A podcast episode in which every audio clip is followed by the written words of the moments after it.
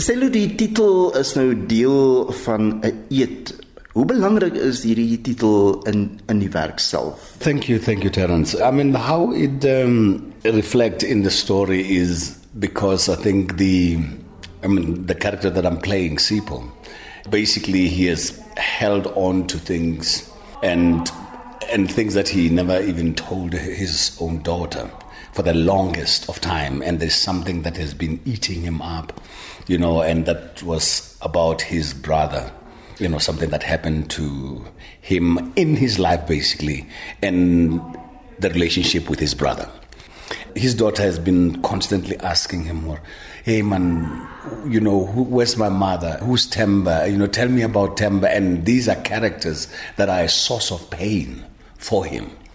And then one day i mean i think they push him they push him and push him and says oh so you want to know the truth and nothing else but the truth. So that is how it basically come in. And then he said okay i will tell the tell you the truth and i hope you can take it.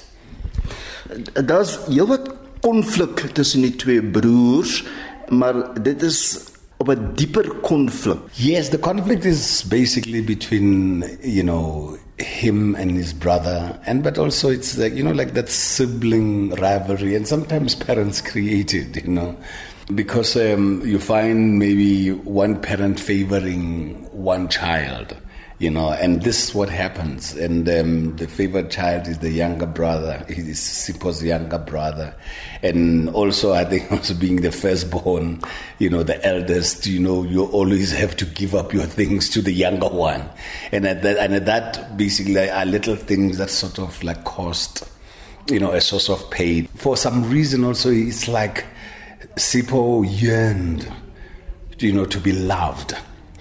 And and throughout the story you know that comes through. And and now what also the conflict between him and his brother is like his brother was the more liked one. And not even just in the house but even outside. And she was very charismatic and he was kind of like you know a township nerd and uh, yeah and that's where the conflict of the of the two brothers has you know is actually centered on and it it, you know, it's it's a, it's a, a, source of pain, and because also the brother had did something very, very, very, very wrong to Sipho, and Sipho has been holding on to that pain and was still wishing that maybe one day they could resolve it or just understand why he did what he did to him. But there's also a political conflict. Yes, there's also a political conflict, but the political conflict actually just comes through because of the South African situation. And, you, you know, in fact, the, the, the conflict that they had was actually more social rather than political. Because you know whatever happened happened in the social setting. Though the brother was more involved politically but also the way he described his political involvement leaves much to be desired. But truly truly speaking between the two brothers it was more social rather than political. They were living in a political situation which was, you know, the former apartheid uh, regime. And the brother left, went to exile, and he remained. And, you know, he lives through the experience of Mandela being released and being hopeful. But all this uh, is happening at a very late stage of his life. As ons terugkom na die konflik, daar's ook 'n konflik wat Sipho ervaar Hy moet dit onderdruk en dit veroorsaak geweldige spanning in.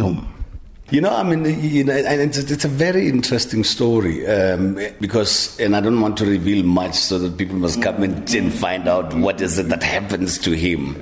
And and the thing is, whatever he holds back and doesn't want to talk about, it's actually even first and foremost for his daughter. And uh, parents will do whatever we can to try and protect our children from knowing things that might harm them.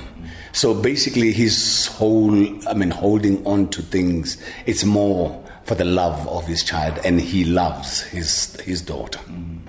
Selo jy speel nou die rol van Sipho, 'n rol wat John Carney destyds gespeel het in 2002 toe hy die stuk geskryf het Nothing but the Truth.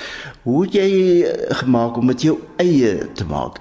Well, you call you getting me right in the middle of rehearsal. I'm still working on it, you know. But I think you know one thing that I've always said is that but good in a, in a well-written what play or story, the writer will write basically the series of actions that a character does and as, a, as an actor, all you do, you bring your whole life experience on top of the series of actions.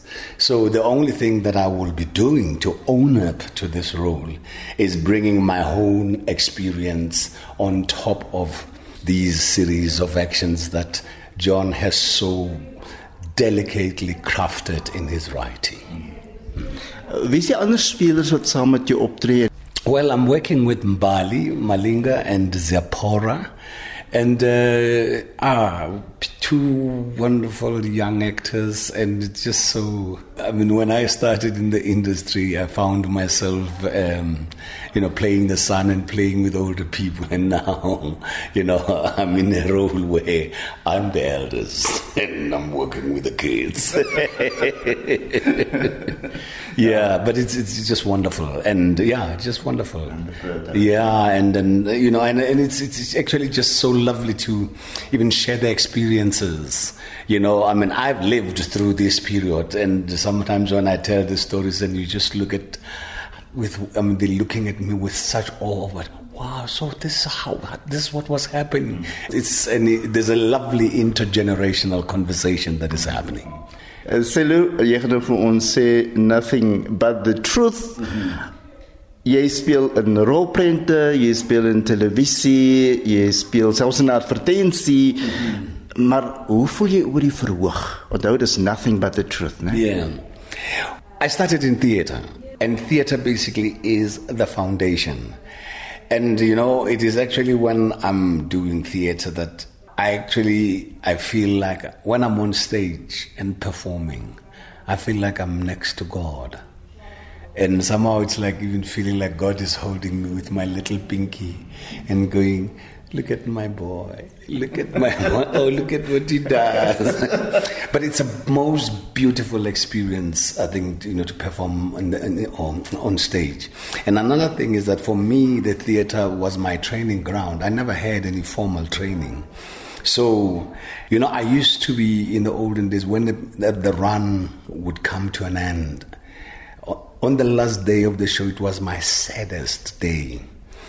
All because now I'm going to miss or not have the opportunity of interrogating and keep on trying things.